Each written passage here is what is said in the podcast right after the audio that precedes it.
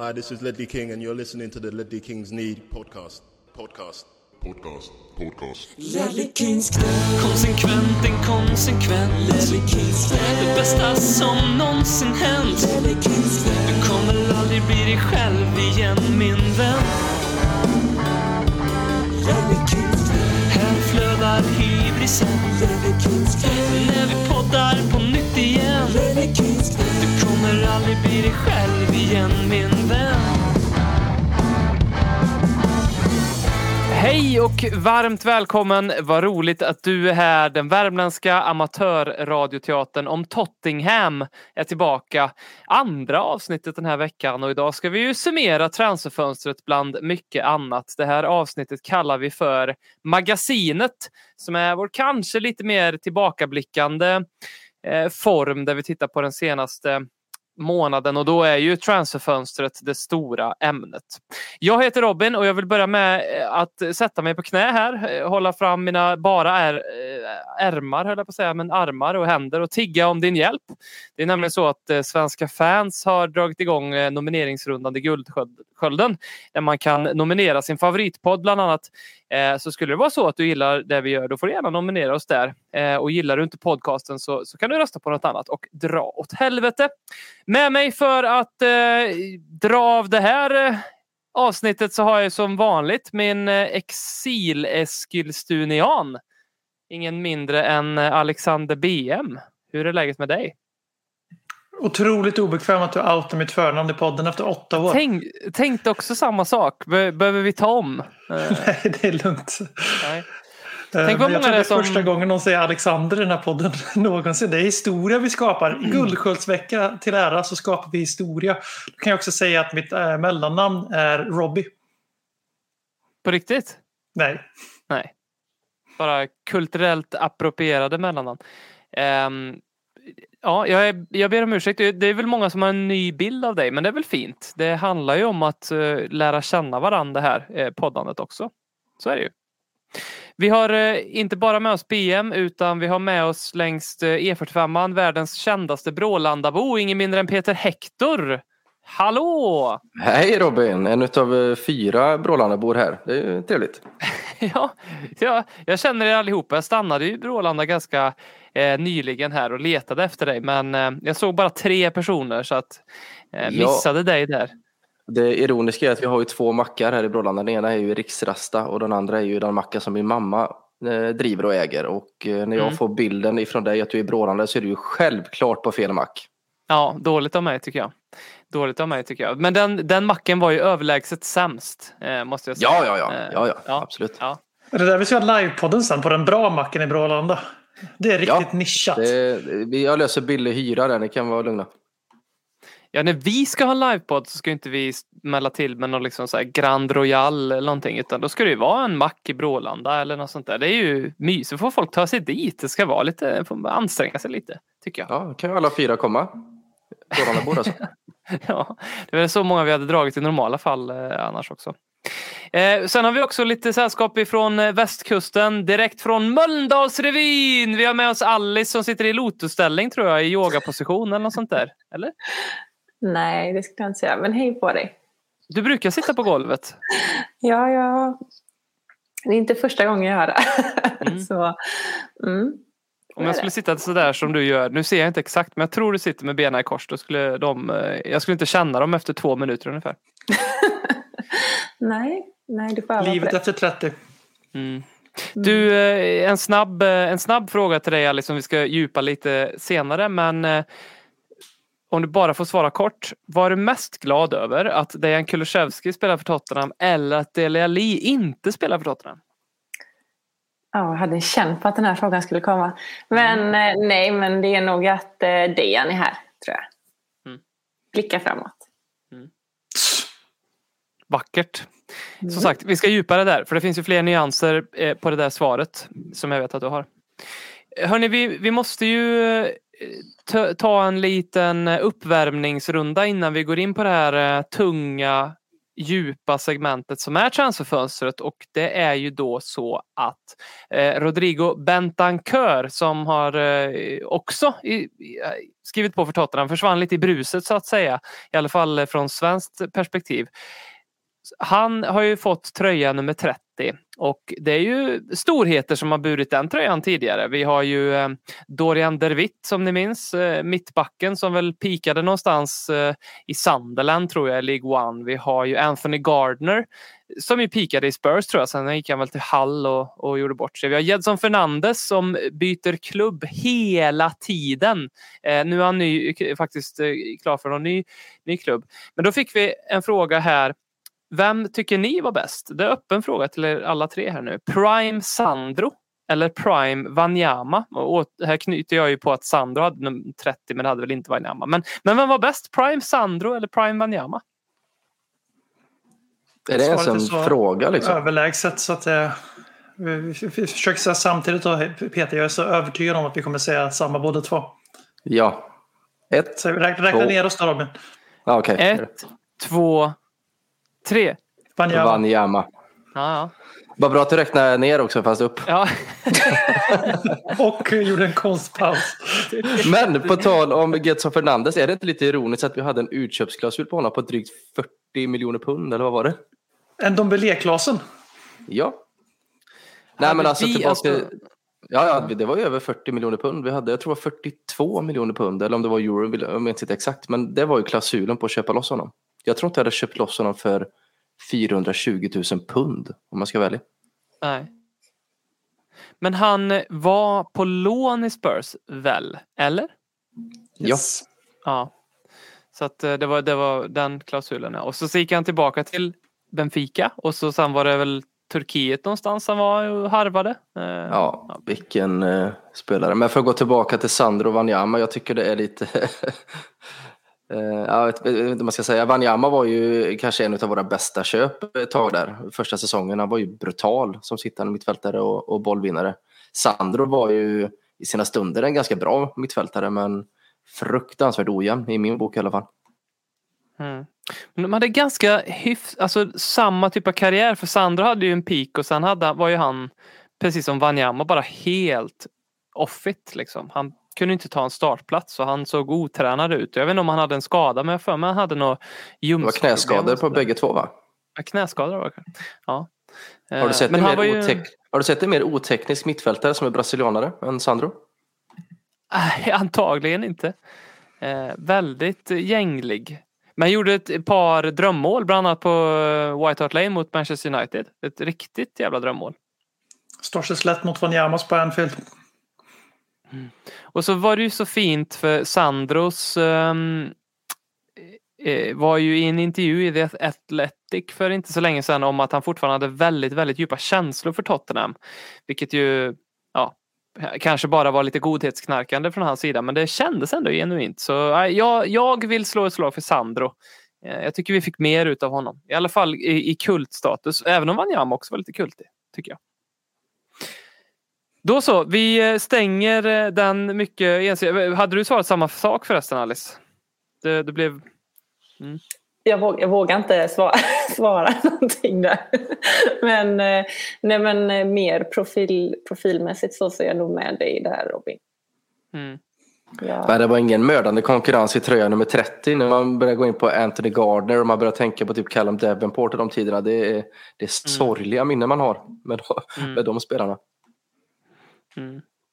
Men eh, ja, det var ju, det är ju jag är glad över att det inte blev ett serialnummer på någon av dem. Dejan och Rodrigo. Eh, får vi ju eh, anledning att komma tillbaka till BM som vi väldigt gärna vill att det ska bli 77 för att reta mig där. Långa poddar, långa Spurs. Men hörni, vi tar och betygsätter det här äh, transferfönstret lite grann och tittar på vad det är vi faktiskt har åstadkommit här. Om vi summerar det kort så har vi ju signat två spelare och de vet ni vilka, mycket väl vilka det är. Det är Dejan Kulusevski och Rodrigo Bentancur, båda från Juventus. Kulusevski på lån med köpoption och Bentancur ett, ett köp. Och sen har vi lånat ut ett gäng och det är ju Branschil Ndombele, Lo Celso, Nile John, Jack Clark eh, hostade till.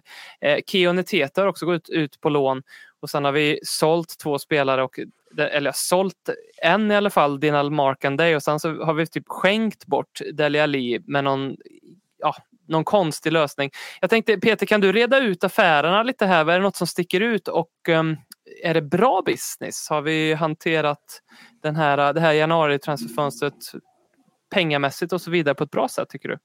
Vi gjorde ju faktiskt av med en person till idag. Det är ju faktiskt eh, Steve Hitchen som lämnade Tottenham precis innan vi eh, mm. gick eh, online här. Mm. Jag vet inte vad vi tycker om det, men det känns spontant som att Paratici har en så stor roll så att Hitchen vill nog inte vara nummer två. Utan jag läste att både Newcastle och Everton tror jag det var. Jag var sugna på att plocka in honom. Så jag vet inte, era tankar kring det? Känns väl som du säger att det kanske är att eh, Steve Hitchen blev lite nedpetad i hackordningen när eh, Paratici kom in tror jag. Och sen, men det kan ju mycket väl vara att han har fått ett erbjudande av typ Everton eller Newcastle att bli typ director of football. För gick man in på Tottenhams hemsida nu och läste eh, meddelandet om att han har slutat så var det var inte ett långt utsvävande pressmeddelande med vad mycket han har betytt och när han kom till utan det var väldigt kort att han lämnar Tottenham. Vi tackar för tiden. Punkt slut. Liksom. Så det känns inte som att det var jättepositivt. Nej, det känns ju spontant som att vi målar in oss i ett ganska stort kontehörn nu när vi dels släpper alla dessa spelare, vi går all in på Paratici. Så att eh, det, tiden får ut säga om det är rätt väg att gå. Men för att gå till det du sa då, det vi har eh, löst. Eh, Kulusevski det den första då. Lån på 18 månader där vi betalar 3 miljoner euro nu fram till sommaren. Vi betalar 7 miljoner euro nästa år eller nästa säsong. Sen har vi en option då på att köpa han för 35 miljoner euro och den eh, infaller vad jag har förstått efter x antal matcher som inte är officiellt eller om vi kvalificerar oss för Champions League. Och eh, är det så att vi inte uppfyller någon av kraven så finns fortfarande optioner på att köpa honom för 35 miljoner euro. Eh, den transfersumman betalas över fem år oavsett vad jag förstår. Eh, så rent krast om Dejan är riktigt svag under 18 månader så kostar han oss 10 miljoner euro det är ganska svårt att klaga på den faktiskt. Ja, det är bra business. business. Jag tycker Alice ska få komma in och prata samma... lite Dejan här. Ja. Kan du beskriva dina känslor när Dejan Kulusevski skrev på för Spurs, Alice? Det var en bra dag. Det var en bra dag. Det var, nej men, eh, nej men det, det var väl den närmsta eh, Nej men det var jättestort. Det var stort. Eh, nej, men det är stort. Jag har aldrig, liksom, jag har aldrig varit vuxen när en svensk person har varit i Tottenham. Jag kommer inte ihåg Edman-tiderna så mycket så sett. Eh, nej men det bara är stort. Jag har sån sjukt bra magkänsla. Och magkänslor kan man inte alltid beskriva var de kommer ifrån. Eller, eh, och sen har väl, jag förstår ju, alla har ju all sin rätt eh, att eh, vara ifrågasättande i formen och allt vad det innebär. Men Nej, men jag är sjukt positiv och då är inte jag en sån person som är alltid jättepositiv framåt. Så, så att, nej, men det känns jättebra. Var han en spelare du kikade på, alltså som du funderade på sen innan att du skulle vilja haft i Spurs eller? Ja men typ lite faktiskt för att vet, man vet ju liksom att, alltså, jag har följt honom i typ två år, alltså såklart i landslaget och det, men man har hört mycket på intervjuer och jag tycker hans typ mentalitet, alltså jag vet Johan Kyssikaslan, eller hur man uttalar det, han var ju ute och sa det att det finns idrottsprofiler med mentalitet så finns det sådana som Dejan och typ Zlatan. Alltså han har ju lite det sättet och vi alla vet ju hur Conte är. Och alltså för mig är det bara superviktigt att han ska få de spelarna som han vill ha. Och det är mm. verkligen en Dejan-typ. Och det, då är jag så 100% inom. Och sen är det ju bara extra kul att han är svensk och att det är betydligt mer medialt, att det kommer synas mer och att fler personer kommer följa Tottenham. Det är liksom så många parametrar som gör det spännande på många plan. Mm. Var tror du att han eh, kommer att spela i Spurs då? Nej, men jag tror att han kommer konkurrera ut eh, till slut, eh, om det är nu eller sen, men att han ska få tävla om platsen med Lukas där, det, är, det tror jag personligen. Men sen vet man ju inte vad Konto har för vision och hela den biten framöver. Så. Men eh, rent spontant så tror jag att han kommer få spela sin position som han har gjort innan. Mm. Vi gjorde ju ett eh, specialavsnitt om Dejan här som kom ut tidigare i veckan och då var Per lite inne på spåret att låta honom vara lite längre ner i banan. Mer som en eh, åtta och utveckla honom där. Vad, vad tror du om det? Tror du att han passar där? Hade, är det, är det, känns, det, känns det fel för, för honom, för dig? Eller? Nej, alltså det är så himla svår fråga. Det, det är ju verkligen det att absolut säkert han kan, men det beror på lite vem som är, nu blir det ju oklart lite vem som blir där bakom honom då. Det beror nog lite på vad det är för typ av spelare. Eh, är det att han måste hjälpa till där mer, men då kommer det bli att han faller tillbaka mer, men då beror, då beror det om vilka som är, är det vem är det som ska kliva upp då? liksom annars. Så att, alltså det är en klurig fråga, men eh, ligger säkert någonting i det han säger där, absolut. Mm. Vi som har sett eh, Kulusevski framförallt i Parma vet ju att eh, en eh, Kulusevski rättvänd med fart är ju otroligt svårstoppad. Och i en, jag, vet, jag, jag lyssnade på avsnittet där, en, en hybrid mellan De Bruyne och Dembele snackar ni om. Eh, det jag tror med Dejan det är också att, som Per var inne på, kommer han längre ner, antingen som åtta eller som tia och får komma med fart och han är livsfarlig. Är, är han kanske höger i en 3-4-3 över möter ett lågt, eller stående lag, där är han inte lika vass. Utan ett konterspel när vi står lite lågt och kontrar, där tror jag vi kan få ut mycket av det. Mm. Och sen har vi eh, signat en Uruguayan också, eh, Peter. Är detta, det borde jag googlat innan, men är det vår första Uruguayan eh, genom tiderna? Oj. Jag får Jag nästan fråga experten BM här. Jag kommer inte på någon på rak arm. Jag tror att det är eventuellt, jag är kanske ute och cyklar nu, men det finns någon som har representerat både Tottenham och Chelsea och blev fotbollstränare efter sin karriär. Som, jag, som eventuellt är från Uruguay. Jag tänker på Gustave Poirier. Jag tror att du har rätt eh, att han var uruguayare. Eventuellt. Mm, det stämmer nog. Men eh, vad kan du berätta om den affären då? Eh, kostnad eh, läste jag från eh, Juventus. De går ju alltid ut med sina siffror officiellt så att, eh, det är tacksamt. Det är 19 miljoner euro direkt plus 6 miljoner euro i bonusar. Kontraktet är skrivet till 2026. Precis som Kulusevski säger. Men det sägs att det är en option på det till 2027 till och med. För Dejan. Eh, BM har ju varit inne på det. Jag tror ju också att det här är en ekonomisk twist. Alltså för 19 miljoner euro för en Bentancourt som är en landslagsspelare i Uruguay. 24 år, tre ligatitlar, vunnit Coppa Italia. Det, det är ett för bra pris för att vara sant. Så att det är nog lite som BM har varit inne på. Du kan gärna få dra den harangen en gång till där BM.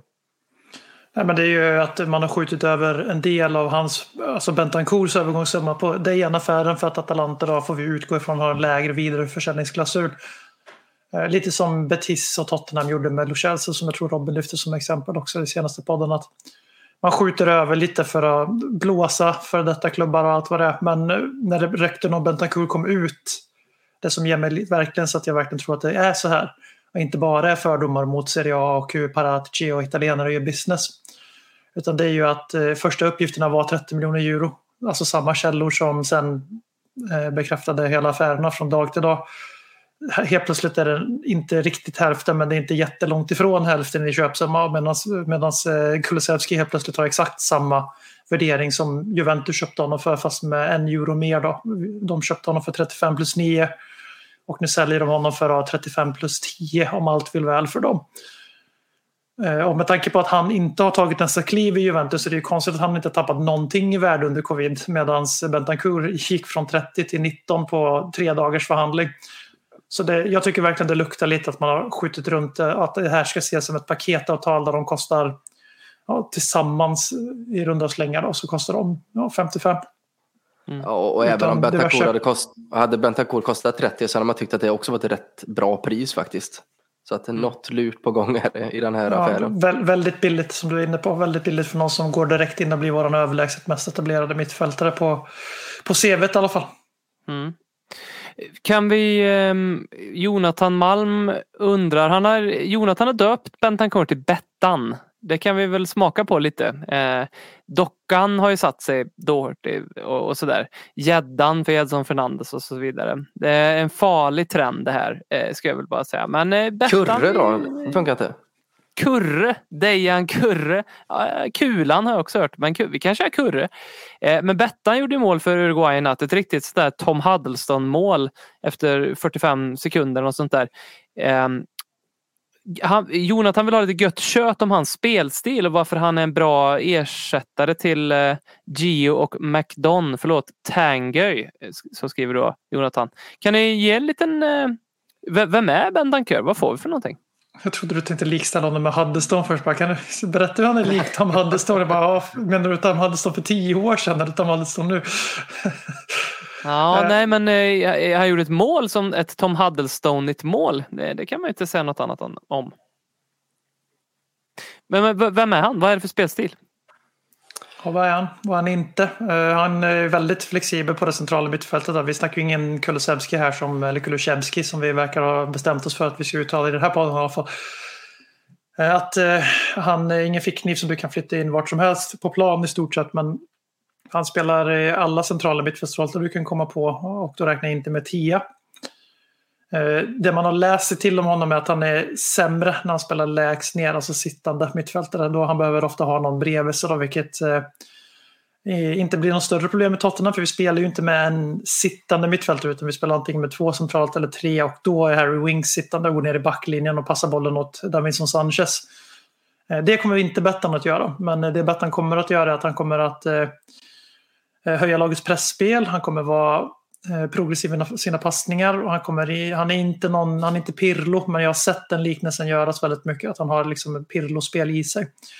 Men eh, Pirlo vill jag bara påpeka för att folk får alldeles för orimliga förväntningar att Pirlo var ett geni på planen också. Och, och hade inte blivit såld från Juventus som 24-åring för 19 miljoner euro om man hade särskilt mycket Pirlo i sig. Eh, men han är duktig på att fördela bollen inom laget helt enkelt. Och det är inget sexigt här. Vi kommer inte, vi kommer inte sitta och skrika över flickar och eh, lobbar i drömmål som Tanguy Ndombele gjorde en gång per säsong. Men eh, vi kommer få en stadig närvaro som peppar peppar ta i trä, alla de här grejerna, salt över axeln. Aldrig är skadad och alltid tillgänglig. Ni vet så som Giovanni Lo Celso före han gick till Tottenham. Mm. Men för oss läser... som... Eh, förlåt, köp. Ja, det man läser mycket är att det är jäkligt taktisk skola mittfältare. Eh, fruktansvärt duktig taktisk, skär ytor, ligger rätt i position. Eh, box to box också som du säger, Benjamin, ingen eh, renodlat sittande utan han gillar att fylla på också, löpstark och jäkligt aggressiv i spel. Han är ju 1,87 tror jag. Eh, vinner mycket boll men eh, bra framåt också. Så det är ganska komplett mittfältare men som du säger, det är ju ingen, inte världens bästa mittfältare men en eh, ganska komplett mittfältare jämfört med de vi har just idag. Mm. Kollar man på hans siffror också som vi vet det kan vara missvisande. Du grävde ju fram en på dockan där Robin som visar liksom svagheten med just bara statistisk analys. Att om du väljer ut rätt variabler så får du Matt Doherty se ut som en av Premier Leagues bästa högerbackar. Eh, men eh, det är ju att han här är en sån där spelare som man verkligen går ner lite i kaninhål och frossar i hans underliggande siffror och tittar på alla sådana analyser. Då, då tror man att vi har värvat liksom, topp 10 mittfältare i världen. Som vi är de enda som är smarta nog att se hans enorma storhet. Så vill ni välja hypens väg, vill ni välja optimismen här så gör det. Hoppa ner i det här kaninhålet och ni kommer vara så otroligt tillfredsställda. Eh, sen mm. titta inte på matcherna bara sen utan fortsätt att frossa i den kaninhålet där så kommer ni må hur bra som helst. Jag frossar gärna där. Fortsätt Robin, förlåt. Nej, jag skulle säga att jag frossar gärna i det där kaninhålet med Bentancur. För eh, jag vet ju att han hade en kanonsäsong under Sarri i Juventus som spelade en fotboll som väl mer påminner om den som Conte försöker bygga i, i Tottenham än den fotbollen som eh, Juventus har spelat senaste tiden där ändå Bentancur har varit mer eller mindre ordinarie. Sen så tycker jag, bara för att kommentera det här, att alla spelare måste vara så jävla sexiga hela tiden. Jag tycker för oss som, jag slår ett slag för, för oss som gillar att se färg torka och eh, vanilj. Jag tycker Rodrigo Bentancur är bland det sexigaste vi har tagit i Tottenham på, på länge. Men eh, simpel, no eh, drama innermitt som inte skadar sig. Lite höjbjer på det sättet får jag lite känslan av att han, han blir inte skadad. Han bara gör det han ska liksom. Det tycker jag är attraktivt. En fördel är ju också att säga att han gör en dålig vård nu och han är kass nästa säsong.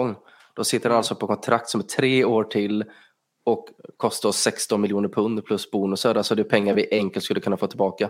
Så att mm. det är ju en, en lågrisk investering om man ser det så. Fan, nu sitter jag och berömmer Paratic här. Jag gillar inte riktigt det, men eh, ni förstår.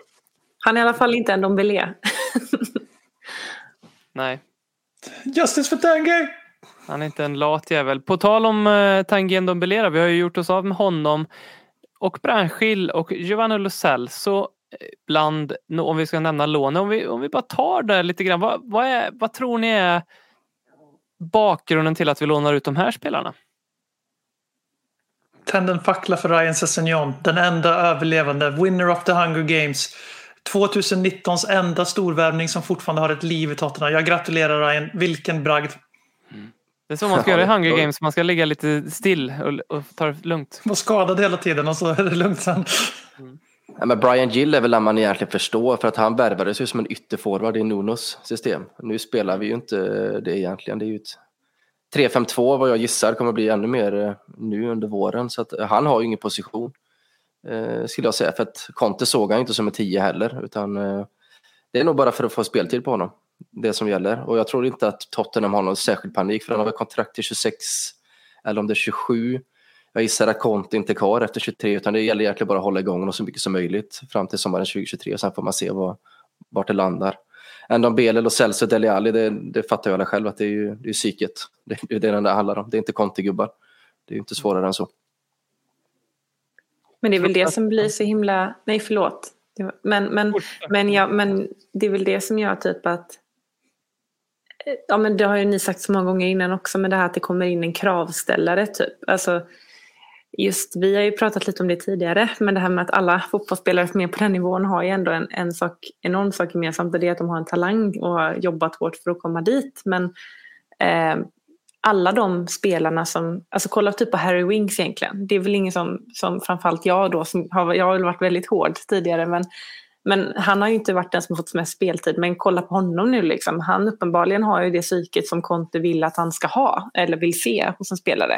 Och det spelar ingen roll då, alltså, man kan ju inte jämföra en Dombele med Winks men det är ju det som är så fruktansvärt intressant i det. Liksom, att, att han övervinner och får ju spela då, men en som en Dombele, han är inte värd vatten. Eh, och då är det helt rätt att skeppa allihopa. Det är dunderjobb man har gjort, tycker jag då, att verkligen, om man ska sätta den här nya mentaliteten, att verkligen bli av med alla de här människorna som inte är där för att göra jobbet.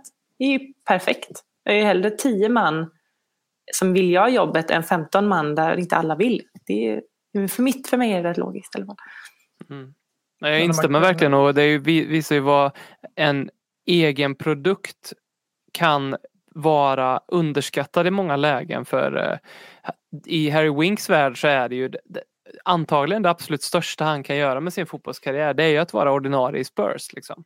Inte bara för att han eh, kanske är från Spurs, eller är från Tottenham och är liksom född och uppvuxen och, och allt det där. Men för att eh, rent ärligt så hans kapacitet är inte så mycket högre. Han har slagit sitt glastak. Liksom. Han kommer inte gå och bli en Kevin De Bruyne. Medan en Tanguy Ndombele känner inget särskilt för Tottenham liksom, och känner att han fått en dålig start. Jag tror att i deras psyken blir det bara så här, äh, jag vill bara ha en omstart, ge mig någonting nytt liksom, så kan de tändas. Exakt. Så, mm.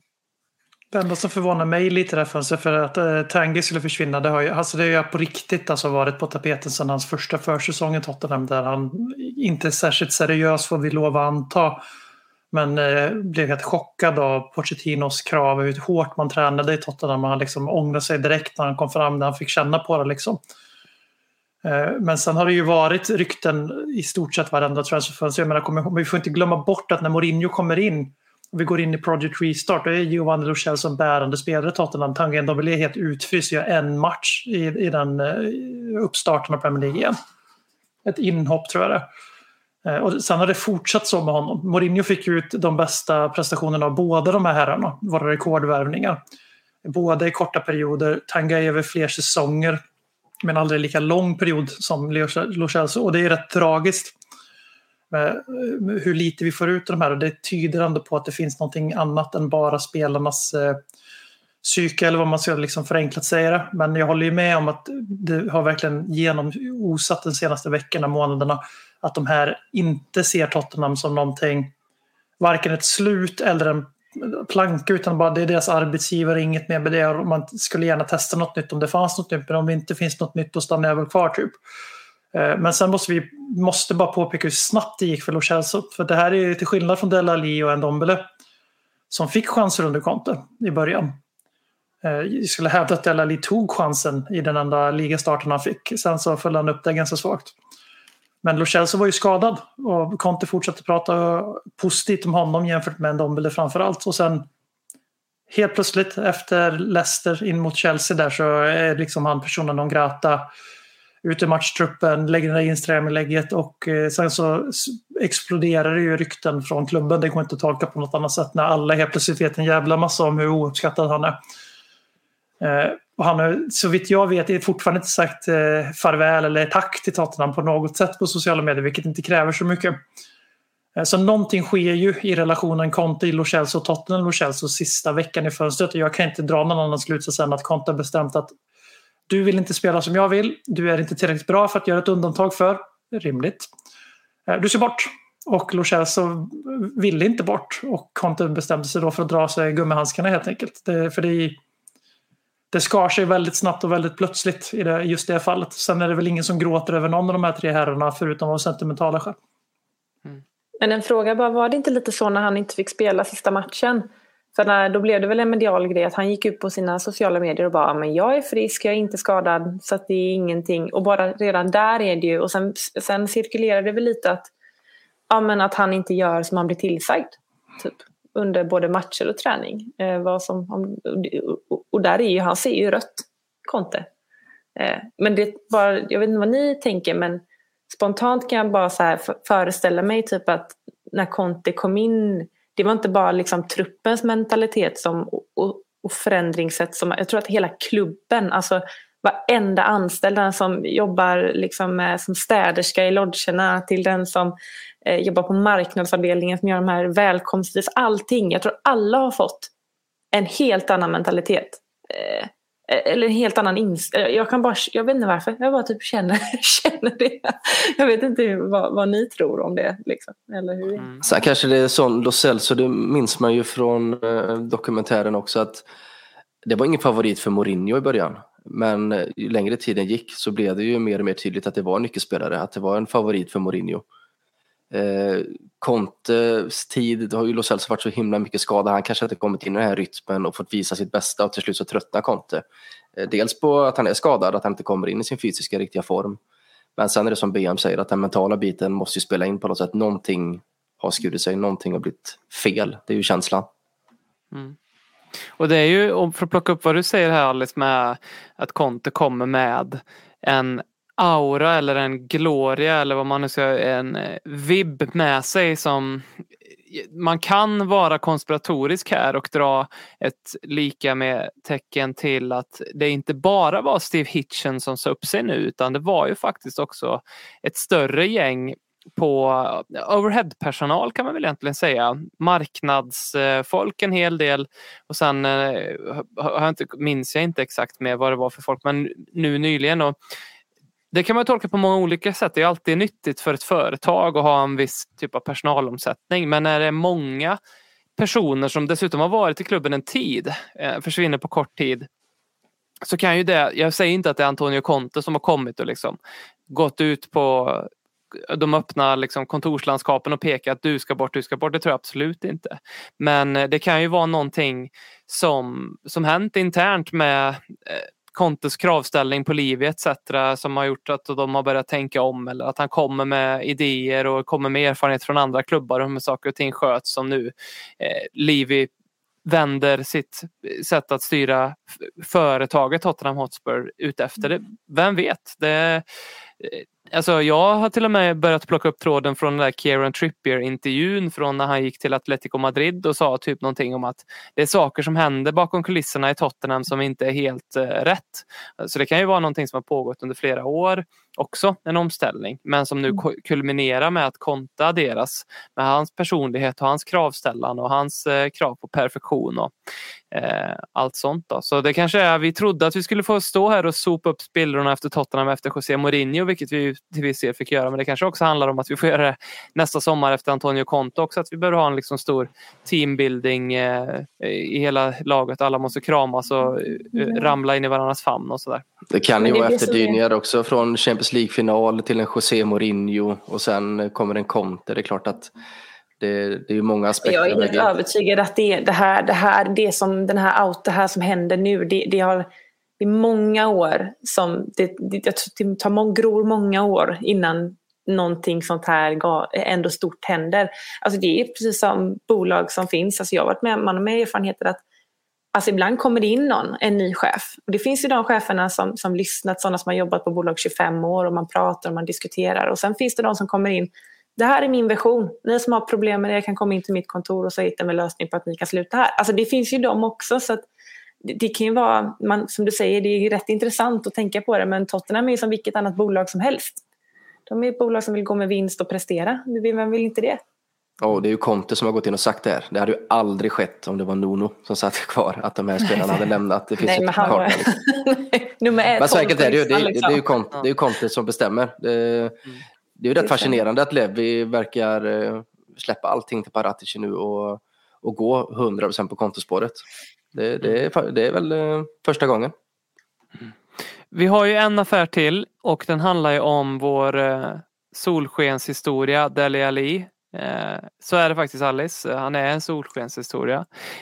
Vi ska djupa den lite, lite senare, att eh, ja, minnas honom lite grann. Men Peter, vad kan du berätta om den här affären? För den här tycker ju, alltså jag Även om det här verkar vara att vi ger bort honom och sen mot att vi kanske får ett, en påse pengar som kanske växer till mer påsar av pengar med tiden. Men så tycker jag ändå att vi har gjort en sjukt, sjukt, sjukt bra affär med om man tänker på att vi värvade den här ynglingen för 5 miljoner pund för ett gäng år sedan.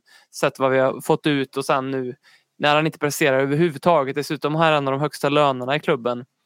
Att vi blir av med honom och sen att vi, det kan ge någon form av kickback. Jag tänker att det är en bra affär, men vad är det för typ av affär? Ja, absolut. Eh, På tal om smeknamn med Bettan och så, det har vi inte Dele Alice nu.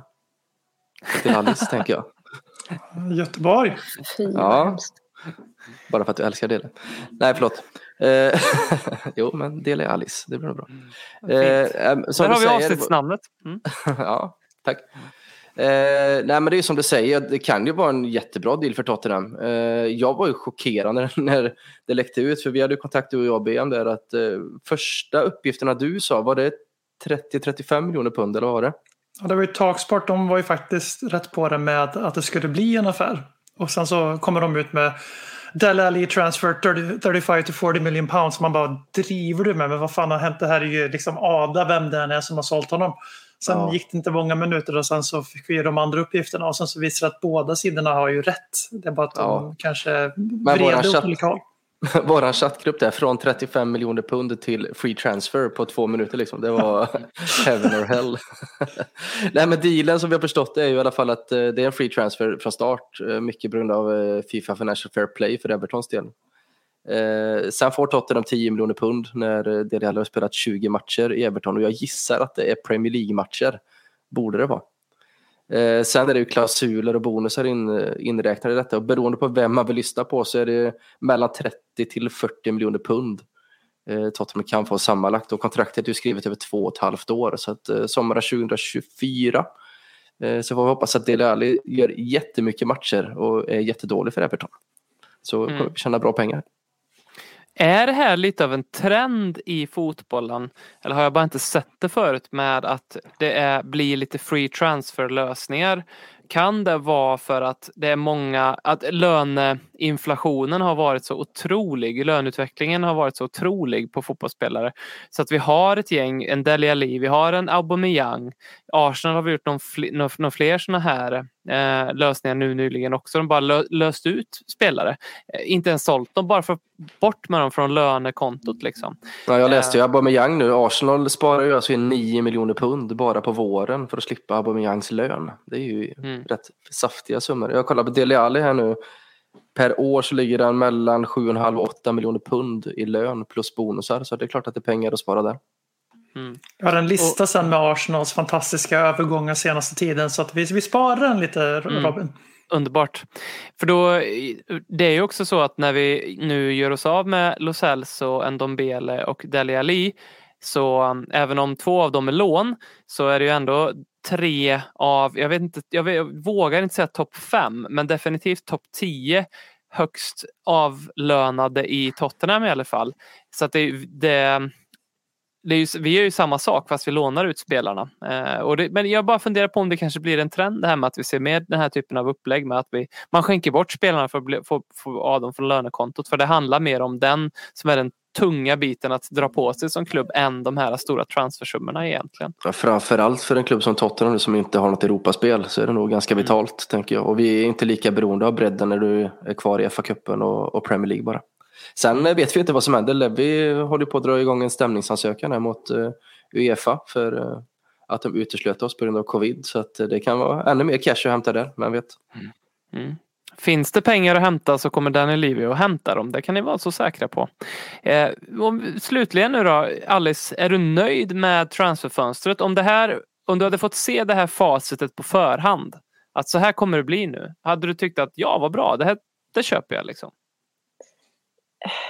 Ja, alltså jag hade inte så mycket förväntningar. Jag trodde vi kanske hade skeppat eller lånat ut typ eh, ja, men, eh, Clark, alla de här som aldrig får spela bara ingenting mer så att allting ovanför det är ju en bonus. Men, men det, det var ju dags att säga hejdå till Dele och det, det var ju det. Och eh, det är liksom bara skönt att riva av plåstret och det var ju bara verkligen en bonus att han fick gå nu.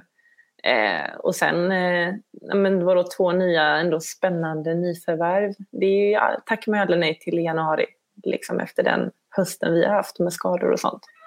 Och covid och sånt. Så att, eh, nej men eh, fasen jag är nöjd. Mm. Även på infronten eller tycker du att eh, vi borde ha förstärkt med någonting annat? Eh, nej men precis som alla andra. Att, eh, nej men, eh, jag hade väl gärna kunnat eh, velat få in eh, någon typ av back eh, och framförallt då en extra striker. Men, men sen har jag börjat förstå att det känns knappt som att vi tittar på någon extra striker. Så att jag, vet, jag vet inte, det är bara en känsla, jag vet inte ens om det, om det är sant. Men det är jag, och eftersom Conte inte ens är intresserad, då, då jag blir typ inte heller intresserad då. Jag vet inte. Mm.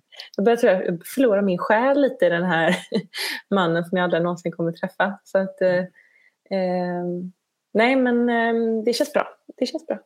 Mm. Peter, är du nöjd med transferfönstret? Nej, jag är faktiskt inte det. Om man ska vara helt ärlig. Eh, jag skämtade lite med BM förut och sa att hade någon för ett år sedan sagt att eh, vi kommer att transferfönster nästa januari där vi skeppar Lo Celso, Ndombele, Dele Alli. Vi ersätter dem med Bentancourt och Kulusevski. Mm. Så hade jag, jag hade råskrattat. Eh, fullständigt. Sen är man väl mest besviken också för att det var ju samstämmiga uppgifter om att Tottenham skulle plocka in tre till fyra spelare. Det var det Conte ville ha. Han ville ha en right wingback och han ville ha en backup-anfallare. Eh, jag tror faktiskt att Leicester-matchen med Bergvagn ställer till en del. För hade han inte gjort den så tror jag det varit lättare att släppa Bergvagn för att plocka in en forward. Nu ser han väl Bergvagn som en striker. Du har Kane, du har Son, du har Bergvagn, du har Lukas. Han har fyra. Det mm. tror jag är ett problem. Sen eh, Matt Doherty måste ju bort, vi behöver in en wingback och där eh, var du Adama Traoré och Traoré, man kan säga vad man vill om honom. Eh, ingen slutprodukt och sådär. Jag är den första att kritisera. Samtidigt är det så här, det händer ju alltid någonting.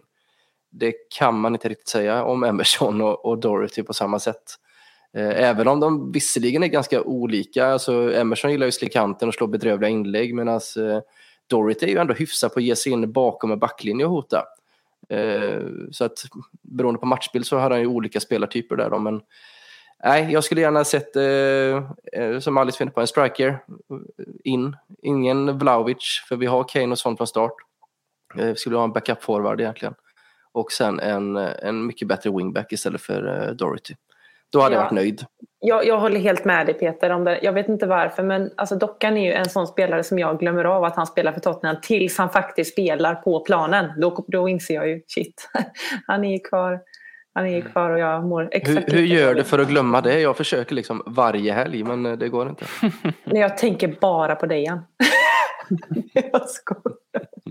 Nej, men Bekräftar bara... uppgifterna. ITK, Bekräftar. Gold Tire, BMW.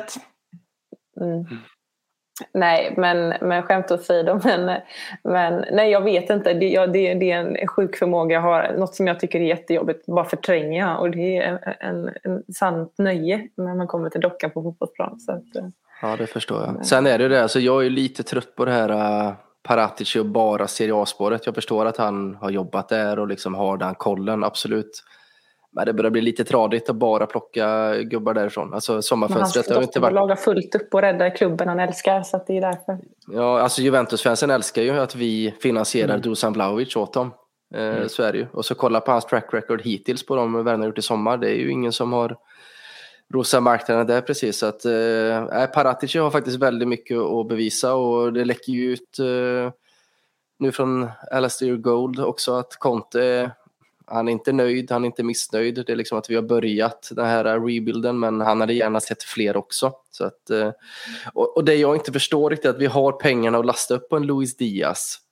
Hur kan vi inte ha pengar och, och plocka in en andra striker som eh, Alltså Burnley plockar ju in från Wolfsburg, 15 miljoner euro, ett stort jäkla as, en Chris Wood typ. Liksom. Jag hade älskat att ha en sån forward på bänken, att vi ligger vi under, slänger in en stor supertank eller att är Kane borta, men sätt in en tank bredvid sån. Det kan inte bli katastrof. Liksom. Så att, jag tycker det är märkligt att vi inte har något slags budgetalternativ som en renodlad anfallare, för går Kane sönder så kan ingen inbilla sig att man kan plocka in Bergwijn eller Lukas eller Dejan Kulusevski bredvid det, för det, det är inga nior. Det, det är de inte. Ja, Jag hade verkligen tyckt att Wout Weghorst hade varit en perfekt second striker. Jag har saknat det ända sedan Llorente-dagarna. Han är ju liksom som, alltså, på samma sätt som Crouch var ett problem jämt. För, för alla lag som ställdes mot Peter Crouch. På alla lag som ställdes mot Adama Traoré. Man vet att det kommer vara ett problem. Och det får man med någon som är, Wout Weghorst är liksom 1,97. Så och att, 15 miljoner euro, alltså det, Ja. det är ett kap. Ja, verkligen. Och så gör också Burnley det mest oväntade eh, att de gör eh, januari-transferfönstrets överlägset bästa, kanske någonsin den bästa presentationsvideon också på en spelare. Eh, Burnley som man liksom tror skulle så här, snickra ihop någonting i powerpoint, se till att det är rätt färger och klippa in hans ansikte och presentera honom. Liksom. Nej, då har Sean Dyke stått där och sagt nu gör vi något riktigt kul. Nu klipper vi ihop något från min favoritfilm här, Jurassic Park. Så att ungarna och kidsen där ute får njuta lite. Och det gjorde vi. Tack så mycket Sean Dyke. Köp Men du- honom i sommar när Burnley åker ut. Ja, eh, absolut. Jag var den enda personen som inte fattade någonting. För jag, inte sett, jag visste inte ens att det var Jurassic Park. Jag, jag var ju så bara... Ni, ni skickade det och jag, bara, jag, jag var ju så här, bara, nej men jag förstår inte det här. Ja, har man inte sett den, ni som lyssnar, ni måste se presentationsvideon. Den Det är måste man inte alls. fullständigt filmerna, Jag kan outstanding. skicka på highlights med Dejan Kulusevski och eh, farväl-videos med Dele Alli till er istället så ska ni se att ni mår bra ändå. Har man inte sett Jurassic Park så har man en hel del att göra där också skulle jag säga. Billigare än knark Roligare än terapi Ledley Kings knä För den du redan är Men också för den du Sa du att man skulle må bra när man har sett Dele Alli-videon? Alltså, fy fan, jag mådde så illa. Jag, jag har inte ens Jag tittat på den för jag vet att jag ledsen, kommer börja gråta. Så att det, Ja. det är också en sån här försvarsmekanism. Här har vi ju då Jag tog ett den... varv runt huset och tänkte tyst för mig själv när jag hade sett den första. Så, så, så djupt tog det. Ja, det här eh, minns man ju... Kommer man ju minnas den här smärtan. Den är ju inte alltid man får uppleva på det här sättet med en spelare som är hos oss så länge. De, nästa kommer på sätt och vis kunna vara ändra typ en Harry Kane eller en Hugo Lloris som går. Men eh, Hugo Lloris, då kommer det kanske kännas hyfsat bra eftersom att han blir, går upp i åldrarna och sådär. Och Harry Kane har man börjat hata lite grann på sätt och vis. Att han kanske bara blir skönt. Dyer har också sen. Dyer har man också sen som kommer bli lite vemodig på, på, på, på, på sätt och vis, absolut. Eh, men Dele Alli, den kändes liksom. Eh, även om det kändes helt rätt. Jag, eh, det, var, det var på tiden verkligen. Jag minns eh, i hans första NLD när han kan ha varit Aaron Ramsey när han när man såg den där skitstöven skitstöveln som jag saknar så mycket. Den där rakade Delhi Ali. Eh, inte med de här rastaflätorna även om det är lite coola på sitt sätt. Så jag minns Dele Alli som den där rakade killen som kom in och var totalt livsfarlig. Både med att han det fanns ingen som kunde värja sig för en tunnel mot Dele Alli. Han, han, tunnlade varenda jävel hela tiden. Och han gjorde sån här, det Crystal Palace målet. Han gjorde det här målet mot Arsenal i ligacupen när han eh, lobbar bollen över en utrusande Arsenal-målvakt och springer och tystar hela eh, Emirates. Eh, han gör de här nickmålen mot Chelsea. Han gör det här målet mot Crystal Palace som är fantastiskt och sen gör han ett liknande fast väldigt nära mål mot Manchester United när han vände bort två eh, United-försvarare. Liksom den där Dele Alli, den där Dele Alli som eh, låg på rygg eh, i en av José Mourinhos första matcher och bollen såg ut att gå utanför linjen och han klackade den fram till Hengmin Son och det blev mål. Den Dele Alli kommer jag sakna som fan och just för att han också verkade vara en sån härlig person. Det fanns ingenting att anmärka på även om det var som vi har varit inne på hans, eh, hans eh, mentala sida är väl antagligen det som sätter käppar i hjulet för honom. För någonstans där inne finns det en fotbollsspelare som inte bara riktigt orkar leva upp till, eh, till hypen. Men hur kommer ni minnas Delia Li? Vi kan väl börja med dig BM. Vad, vad känner du kring allt det här? Det är sorg alltså för att till skillnad för vi kan ju jämföra med Eh, för mig när Lamela lämnar Kultikov. Det var liksom mest en grej. Eh, det kommer inte vara samma sak när Harry Kane lämnar för att där är det en legendar som lämnar. Men den relationen blir liksom, vi fick spräcka ballongen före den tog slut eftersom att han försökte allt han kunde spränga ballongen i hela sommaren. Eh, och då kommer det inte kännas på samma sätt när han går nu, kanske till och med i sommar, vi får se. Son kommer vara jobbigt såklart också eftersom att han, det finns ingenting negativt att säga om sån. Hugo Lloris, du var inne på det, samma som Janne Fertongen och Tobbe Alvarell där. Eh, det var rätt och det kommer vara rätt när Hugo lämnar. Han kommer vara 36, 37, 38 kanske till och med. Eh, och eh, det, det är naturligt på ett sätt, men Delali är bara 25. Det borde inte slutat så här för honom. Alltså man, man, kommer inte in på scenen som han gör, pissar på Steven Gerrard och Frank Lampard och David Beckhams alla rekord Eh, kunde gått till Real Madrid, Manchester United, you name it, i flera år. Eh, han och Kane och flera till, men alla stannade i Tottenham för de trodde så mycket på Pochettino och hans projekt.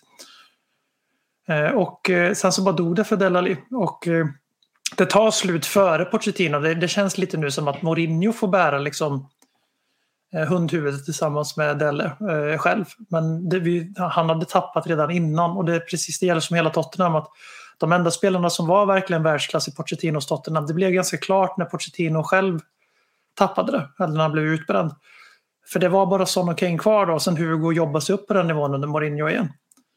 Eh, för alla andra som såg ut som ett välolerat världsklasslag, inklusive Christian Eriksen, inklusive Della Ali och flera andra, de var aldrig sig själva efter magin bröts. Eh, och eh, med Della Ali kommer man alltid ha den här frågan, hur bra kunde det ha blivit? Och sen framförallt, vad fan hände i Tottenham mellan 2019 till idag som gör så att en sån fantastiskt begåvad fotbollsspelare slutar tycka om att spela fotboll. Eh, när han har sin första intervju över övergången till Everton då säger han alltså inte massa plattityder utan han, han säger mer genuint än vad han tror hade tänkt själv. I just want to enjoy playing football again. Och det, alltså, man blir ledsen när man hör någon som är 25 år och har varit så bra säga så. För det är väldigt lätt att kasta skit, kritisera, vara besviken och frustrerad eh, över att han inte tog de här kliven och man kan läsa in i allt Mourinho säger som en bibel, att han är lat och bla bla bla, för mycket Fortnite, bla bla bla, alla de här grejerna som hela tiden har cirkulerat. Eh, men jag tänker mest bara liksom, hur fan tappar man sin kärlek till fotboll när man är 25? Och jag är på riktigt orolig att det här är en fotbollsspelare, han kommer sluta efter det här kontraktet i Everton. Alltså det, han kommer lämna fotboll. Det, det, är min känsla och jag hoppas innerligt att eh, nu när han har lämnat Tottenham att vi kan gå tillbaka eller uppskatta det här geniet och dåren i ett som var så fruktansvärt jävla bra för Tottenham eh, i tre år som tonåring. Och sen mycket bättre än vad folk har försökt få det att låta som ända fram till 2020. skillnaden på han och en Jack Wilshere är ju att Wilshere var ju skadad hela tiden. För det var också en bra fotbollsspelare. Men här är det ju, det är ju rent psykiskt liksom. Det är ju som i dokumentären att Mourinho får ett råd av Sir Alex. by Dele Alli. Liksom. Det är det enda rådet han har fått. Det säger ganska mycket när det är Sir Alex är att det enda du ska göra är att köpa Dele Alli. Sen eh, var ju, alltså det är många som varit inne på det också, att, att tämja ett lejon lite, Dele Alli. Och det känns som att när han var som bäst, det är ju som du var inne på Robin, det var ju shithousery deluxe alltså. Han var ju en, en gris på planen. Och det där försvann ju, ju längre tiden gick. Alltså Dele Alli är ju som bäst när han är en gris och, vad man ska säga, var en gris på planen och spela offensiv fotboll. Alltså den här spelfördelaren Dele Alli, han var ju fruktansvärd att titta på när han skulle gå ner. Men i Pochettinos lag, han, vi spelade nästan 4-4-2 eller 4-2-4 med Eriksen och Son på varsin kant och Dele Alli låg längst fram med Kane för han är ju en fantastisk pressspelare.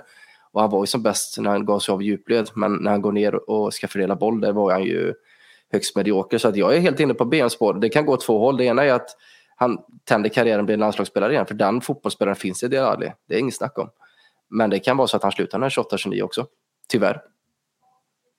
Men det är väl det som är så här, jag tycker du är inne på ett intressant spår där och Peter också med BM att det är verkligen så otroligt sorgligt.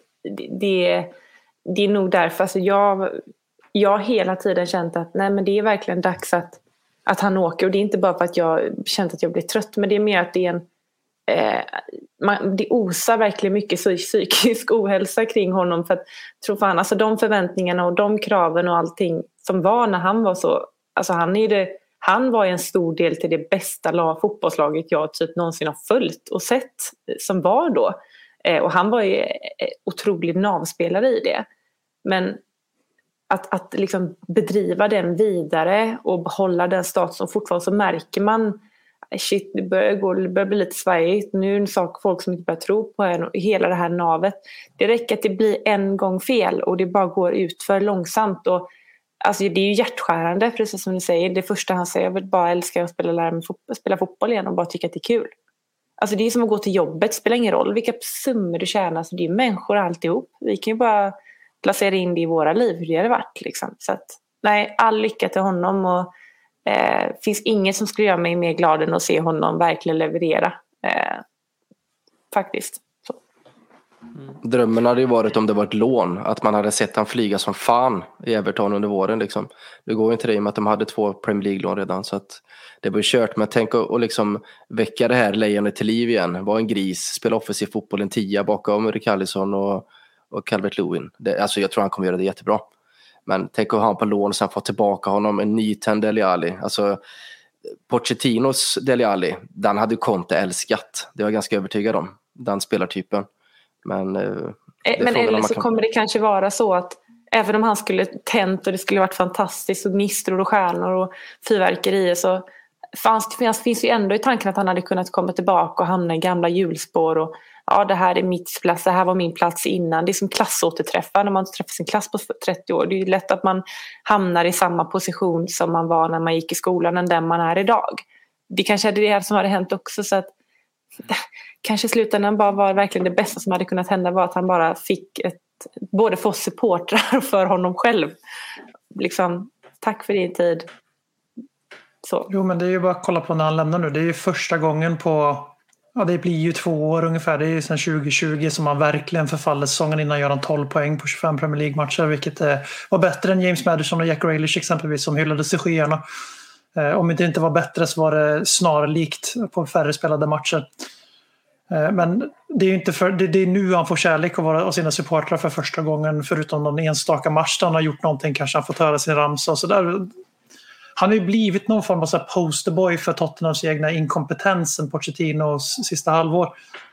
Eh, och det är så jävla orättvist och det finns många variabler och staplar i det som vi inte behöver gå in på som, eh, som jag tycker är direkt problematiska.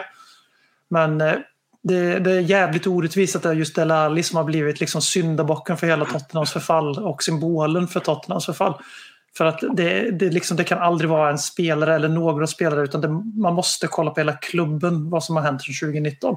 Och det är kanske lite det, för att knyta ihop säcken till det vi pratade om förut, kanske lite det som håller på att hända nu med Conte. Kanske lite grann är det, det som händer när det ryker folk även utanför spelare slash tränarstaberna.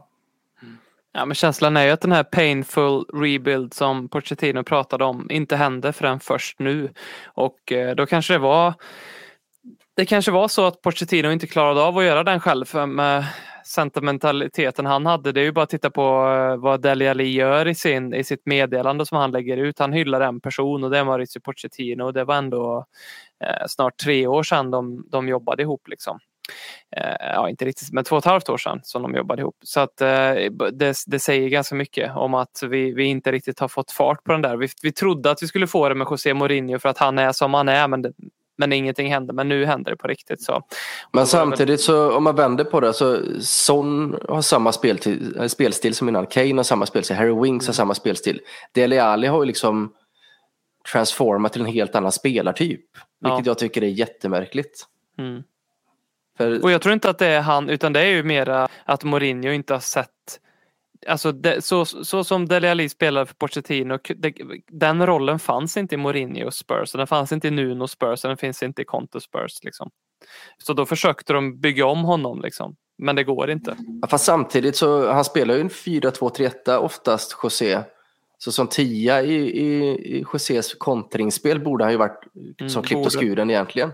Så Mm. att, eh, det, det är en väldigt märklig utveckling personligen för Dele tycker jag. Mm. Mm.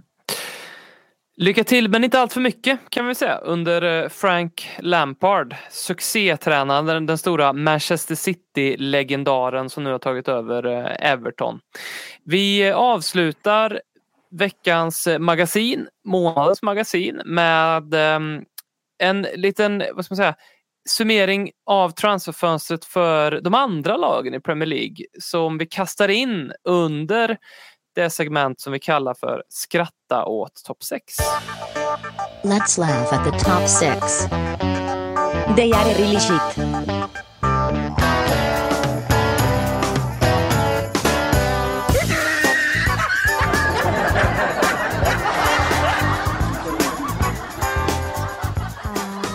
Vet här BM att du har eh, hur tänker du kring det här förväntningarna på oss och, och nu tittar på vilk, vad, vad det är för typ av transferfönster som våra rivaler har gjort bland annat och sådär?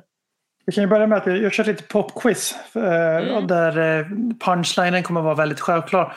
Men vi börjar med att jag vill att ni gissar hur många spelare Manchester United, West Ham, Arsenal och Wolves har värvat. För det är de som är inom topp fyra träsket just nu. Jag tror det är sammanlagt noll. Det är fel faktiskt. Okej. Och då räknar jag inte med den här brass, den här amerikanen som eh, Arsenal värvade från Kronkis andra lag. Jag menar, räknar inte med honom. Wolverhampton köpte väl loss hans sydkoreaner va? Ja, den står inte med men det är korrekt. Och sen då, då har det faktiskt de värvat två spelare. De har värvat någon som heter Chiquinho också tydligen. Ja, okej. Eh, Traores eh, ersättare. Så att Wolves har värvat en och en halv eller gjort ett permanent och värvat en. Vi har värvat två. De har vi redan pratat om. Arsenal och West Ham United har värvat noll spelare.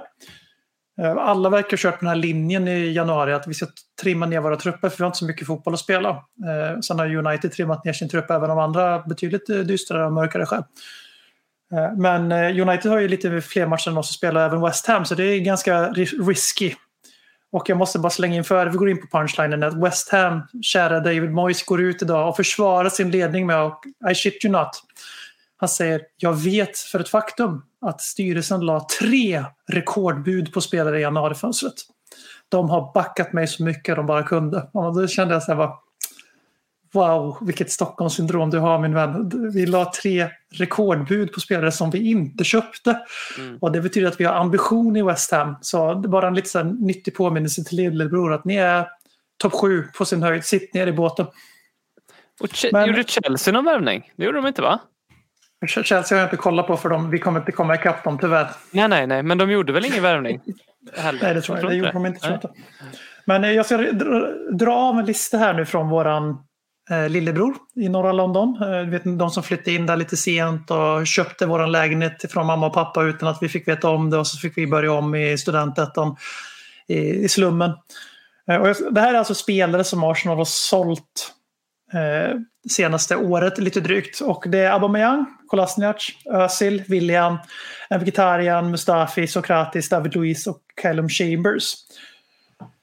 Första frågan är hur många pund fick Arsenal Football Club för de här nio spelarna? Peter. Jag gissar på 30. Det är högt. Dra dem snabbt igen där. Aubameyang, Kolasinac, eh, Kolasinac, Özil, William, Mkhitaryan, Mustafi, Sokratis, David Luiz och Chambers. Alla är inte från januari. Eh, f- 15 miljoner pund. Väldigt 10. högt. Max 10, jag tänker så här typ 5. Fem pund eller fem miljoner pund? 5 pund såklart. För det är nämligen noll pund de har fått för det här. Och det, är, alltså, det här är absurd Oj. business.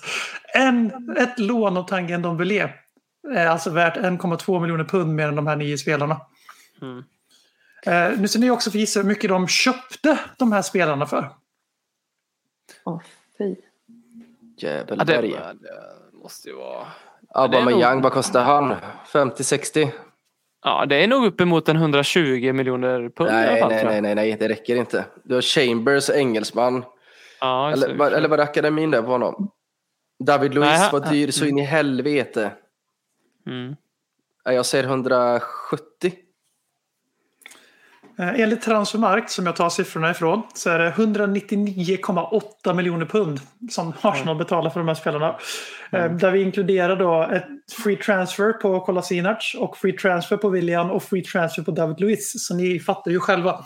De har tagit 200 miljoner punds investering och gjort det till noll. Streamlinat sin trupp på, värre än vad vi har gjort, för vi har också streamlinat vår trupp och vi har gjort ganska liknande business, vilket var lite tråkigt när vi gjorde den här övningen. Eh, men för oss så finns det ju fortfarande en förhoppning om att vi kommer att få tillbaka lite av pengarna på Delali. Där lär vi ju gå plus i slutändan. Eh, att Lo Celso och Ndombele kanske vi kan få in 50 miljoner pund eller en av dem så att säga tillbaks. Eh, men Arsenal gör alltså det här när de har häng på fjärdeplatsen efter en sommar de har värvat för miljarder. Och att de är uppsnackade och upphaussade som fan för äntligen är de här gullegrisarna i the big four, Sky Big Four, på väg tillbaks. Eh, Och det är så otroligt kul att se en klubb eh, ge så här mycket makt till en riktig jävla bluff som är Mikel Arteta. Och jag njuter, förutom för Tonys skull som jag tycker lite synd om. Men Peter, jag vet att du snubblade över en liten artikel på Svenska fans som beskrev hur Arsenal-källorna känner för det här. Den jag skickade förut. Mm. Mm. Eh, De var inte jätteglada. Jag tror rubriken var det sämsta jävla transferfönstret någonsin. Ja. Det kan man ju eh, njuta lite gott i kanske. Robin, du myser lite. Ja, jag, ty- jag tycker det här är...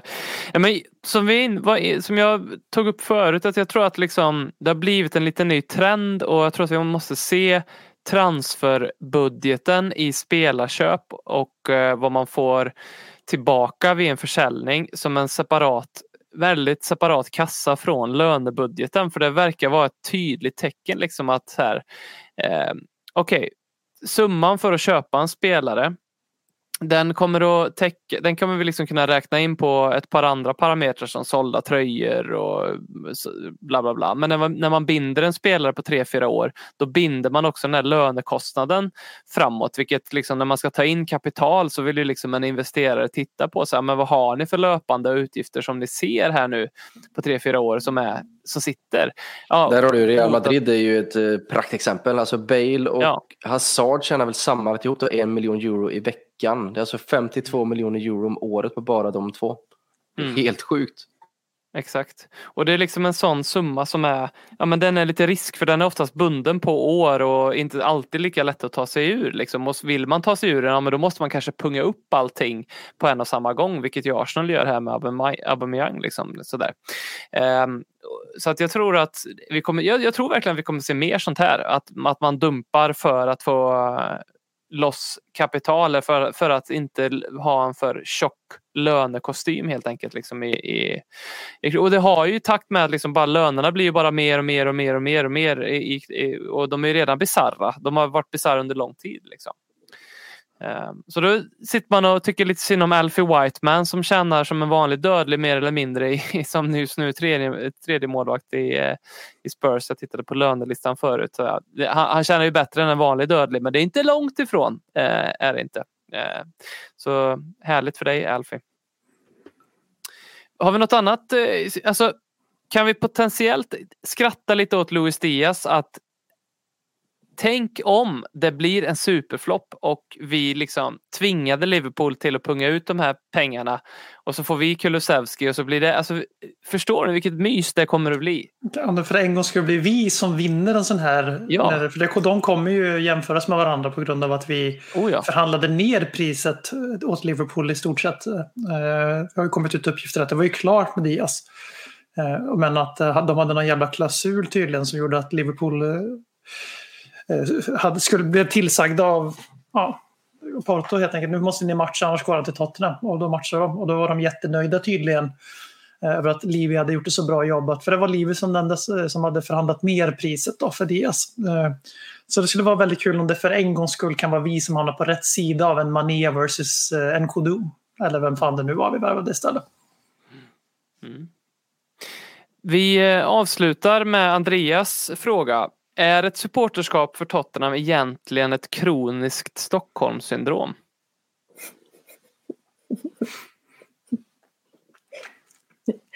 Jag kan inte Hur många riktigt... avsnitt har Andreas lyssnat på den här podden? Han, han har ett ansvaret. Nej, men, men det är ju kroniskt eh, autoimmun, eh, något åt det hållet, absolut. Men eh, jag, jag, här sitter, jag sitter här samtidigt och funderar liksom på, på liksom, jag, är, jag är inte en sån person som uppskattar nyårslöften och sånt trams. Eh, det, det gillar jag inte. Men, men spörslöften, det, det, det har man ju. Liksom. Lite som att man inte ska stänga av. Mitt i nog i år är ju att inte stänga av en fotbollsmatch när Tottenham spelar. Jag har ändå missat så här två helt otroliga matcher nu. Robin, vi måste ta det för det hände ju faktiskt i januari. Det, det tycker jag inte. Jo, Leicester? Robin stängde Ja, också så av. Robin stängde också av. du är också Robin! Ja. ja. Nej, men jag, jag var sjuk Wow. faktiskt. Jag mådde så dåligt. Ja, jag skyller på Kobbe, gör det. Jag var så- också sjuk, fast sjuk i huvudet och det brukar jag vara ganska ofta. men, men eh, ja, eh, ja, yeah, det var jobbigt. Och sen gjorde jag ju det tre dagar senare när Sverige spelade handboll också. Så jag förstörde ju två gånger på en vecka, två bra kvällar. Aj. Eh, Men, och det är likväl att eh, Hector och, och BM är världens tråkigaste människor som inte kan gissa hur många mål eller hur många poäng Dejan kan göra den här, den här säsongen. Så vad, vad tror du Robin, hur många poäng gör han? Han gör... Han gör sex poäng. Fler än Lucas Moura har gjort hittills. Starkt. Fyra plus två eller noll plus sex eller vad tror du? Ja, okej, du tänkte, ja, då tror jag nog att det handlar mer om en två plus fyra. Det här är en bra, en bra Spurs-kompis, BM och Hector. Mm. Ni ska liksom se och lära av det här. Ni, Så länge han gör sitt jobb mot Arsenal är jag nöjd. Stäng av matchen mitt i. Eh, det är vårt mantra. Eh, Jag måste bara få fnissa åt en sak också till. På tal om Ja. att fantastiskt kul för övrigt att Christian Eriksen är klar för Brentford. wow! Eh, Men såg ni intervjuerna med fansen? Såg ni det? Nej? Nej, vad de såg fram emot mest med Christian Eriksen. Mm. Och det var att man har fått en fantastisk spelare på fasta situationer. Det tyckte jag var lite roligt. Set pieces. Så har ni sett Eriksen slå en hörna? Eller så kan ni liksom googla Tottenhams senaste 5-6 år med Eriksen så får det se om ni längtar så mycket. Jag tvivlar. Mm. Vi får... um, vi har ju en Brentford-supporter, Fina Erik, som vi har fått kontakt med via Twitter här som uh, är den största, uh, det är den första Brentford-supporten jag stött på faktiskt uh, i mitt liv. Det, så är det faktiskt. Men han ehm, skickar vi ju all förhoppning till att det ska gå superbra för Christian Eriksson. Däremot kan vi säga fasta situationer när det kommer till frisparkar så då kan de absolut få få lite valuta för Eriksen. Det kan de ju. Även om det, han var väl ringrostig på slutet för oss och slog allt i muren eller över. Men det var, det var ju några riktigt fina frisparkar han knorrade in där ett tag också när han var som, som mest i form. Um, mm. Ja, men vi tycker väl nog att eh, Tottenham-supporterskapet är lite som ett Stockholmssyndrom, Andreas. Jag, eh, jag var tvungen att googla på eh, kända Stockholmssyndrom och då har vi ju såklart eh, Norrmalmstorgsdramat som ju har gett namnet till syndromet överhuvudtaget. Men det finns en mer som är, den är fruktansvärt tragisk eh, och hemsk på alla sätt och vis men den är också så passande för hur, och vilket jag liksom ge, får ge Andreas att han slår huvudet på spiken för eh, kommer inte ihåg vad hon hette men den här tjejen som var kidnappad i Österrike under många år som lyckades fly. Och eh, hon fick en hyfsad relation ändå med sin eh, kidnappare även om han var brutal mot henne och, eh, och gjorde frukt, eh, begick fruktansvärda övergrepp och, och, och, och så. så. Så hon hjälpte honom i hemmet lite grann till slut och sen så lyckades hon fly så det var väl hennes plan lite grann. Men det som var så jävla drabbande med det hela var att han tog livet av sig när, eh, när hon flydde. Och eh, då sörjde hon. Hon sörjde ordentligt. Hon satt på hans begravning och liksom, eh, hon visste att jag, har- jag har gått igenom det här och det har varit fruktansvärt för mig men jag sörjer ändå. Och det finns, ta mig fan någonting spursigt i det där. Hur vi kan bli misshandlade av den här klubben vi älskar. Men vi sitter ändå där och sörjer och vi kommer att göra det eh, år ut och år igen. Och vi kommer göra det i Lellekins knä. Fruktansvärd liknelse av mig att göra på alla sätt och vis. Vidrigt. eh, det, går inte att jämställa de här två olika traumorna såklart. Men eh, och, eh, eftersom att ändå Andreas ställde frågan så var vi tvungna att ge någon form av eh, utsvävande svar här. Vet du vad vi ska göra nu Robin? Nej, vad ska vi göra Nu nu? ska vi, nu ska vi gå och titta på Copa del Rey för Brian Gill startar för Valencia. Det är också sorg. Det är också liksom, han kommer vara så bra där. Eh, jag kommer sitta längst fram och sörja Brian Schill. Fan också. Det är det kändes tröja nummer att du 21. var så himla positiv i början av podden. Jag förstår inte vad som har hänt här. Det känns som att Ja. du, du liksom pratar om begravning och allting. Nej, jag förlåt. vill ju liksom Ja, kolla på en Deli Alle-video nu här. ja, men gör det. Kan du inte Nej. gå... Jo. Nej, men Alltså, okej. Så jag... någon mår dåligt ska jag bara skicka alla Dejan-videos. Det är Ja. enda, mitt enda jobb. Så mår ni dåligt kan ni höra av er. Ja, men så säger vi. Vi gör så här nu. Vi går kollektivt och sätter oss och kollar på det här klippet igen. För vi har ju sett hundra gånger redan när Kulusevski eh, skriver på för Tottenham och han klappar eh, så fint på bröstet. Den lilla Arsenal-supporten eh, och säger Come on in Spurs, för det är faktiskt fint. Man blir, man, det, det gör något med en, det gör det verkligen. Tack så jättemycket för att ni har lyssnat på Lellekins knä. Eh, vi finns här för er. Fortsätt höra av er och eh, over and out. Bye bye. Rösta på oss i Guldskölden. Konsekvent, inkonsekvent. Det bästa som någonsin hänt. Du kommer aldrig bli dig själv igen min vän. Här flödar hybrisen. När vi poddar på nytt igen kommer aldrig bli dig själv igen min